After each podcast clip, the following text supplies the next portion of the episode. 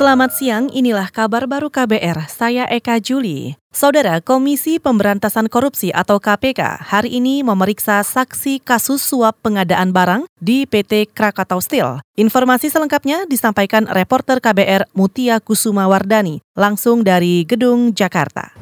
Saudara, Komisi Pemberantasan Korupsi KPK pada Selasa ini memanggil tiga pejabat PT Krakatau Steel sebagai saksi dalam penyidikan kasus suap pengadaan barang di perusahaan pelat merah itu.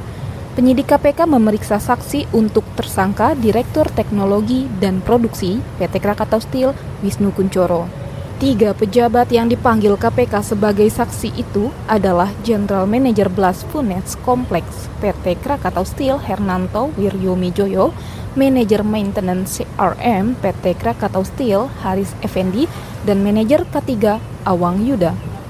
Dalam perkara ini, KPK telah menetapkan empat tersangka yang diduga sebagai penerima adalah Wisnu Kuncoro yang menerima suap dari dua pengusaha, Kenneth dan Kurniawan terkait pengadaan barang dan peralatan masing-masing senilai 24 miliar rupiah dan 2,4 miliar rupiah.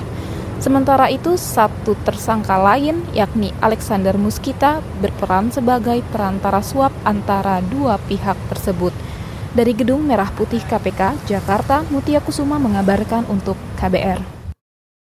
Dari KPK kita beralih ke informasi soal pemilu. Komisi Pemilihan Umum atau KPU meminta Kementerian Keuangan memberi jaminan kematian kepada puluhan kelompok penyelenggara pemungutan suara atau KPPS yang meninggal ketika bertugas. Selain itu, KPU juga meminta Kementerian Kesehatan memberi jaminan kesehatan bagi belasan petugas KPPS yang sakit. Menurut Komisioner KPU Wahyu Setiawan, petugas KPPS patut mendapat perhatian dari negara sebab mereka merupakan pahlawan demokrasi yang melayani rakyat secara langsung. Kita juga berpikir jika upaya ini tidak berhasil, maka KPU seluruh Indonesia akan potong royong patungan untuk memberi santunan kepada saudara-saudara kita, kawan-kawan kita yang gugur dalam melaksanakan tugas.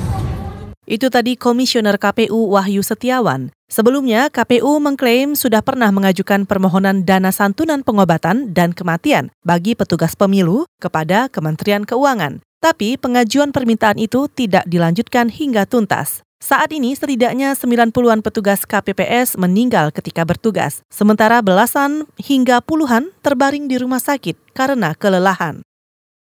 Presiden Joko Widodo memerintahkan Menteri Keuangan Sri Mulyani berhati-hati dalam menyusun APBN 2020. Alasannya, menurut Presiden, pada 2018 pembelanjaan uang negara kurang berefek bagi masyarakat karena digunakan untuk membiayai berbagai program dan acara negara. Presiden meminta diprioritaskan belanja modal dan memangkas belanja barang yang tidak efektif. Jokowi juga menyampaikan hal ini dalam sidang kabinet tentang anggaran dan pagu indikatif 2020 di Istana Bogor hari ini. Bahwa belanja modal agar diperkuat, agar ditingkatkan. Semua kementerian harus bisa memaksa organisasinya agar penyerapan anggaran itu betul-betul bisa direalisasikan. Yang kedua, belanja barang kurangi sebanyak-banyaknya. Bu Menteri Keuangan tolong dilihat pada tahun yang posisinya normal, 2017 tolong betul-betul dipakai sebagai patokan dan dipaksa untuk masuk ke angka-angka itu. Jokowi juga menilai APBN 2017 berjalan normal dengan nilai belanja lebih dari 2.000 triliun rupiah dan defisit 2,57 persen. Menurut Presiden, arah keuangan pada pembangunan infrastruktur juga tercapai dengan baik. Sementara pada 2018, APBN banyak terbelanjakan untuk acara-acara seperti Asian Games, pertemuan tahunan IMF dengan Bank Dunia, juga pemilu.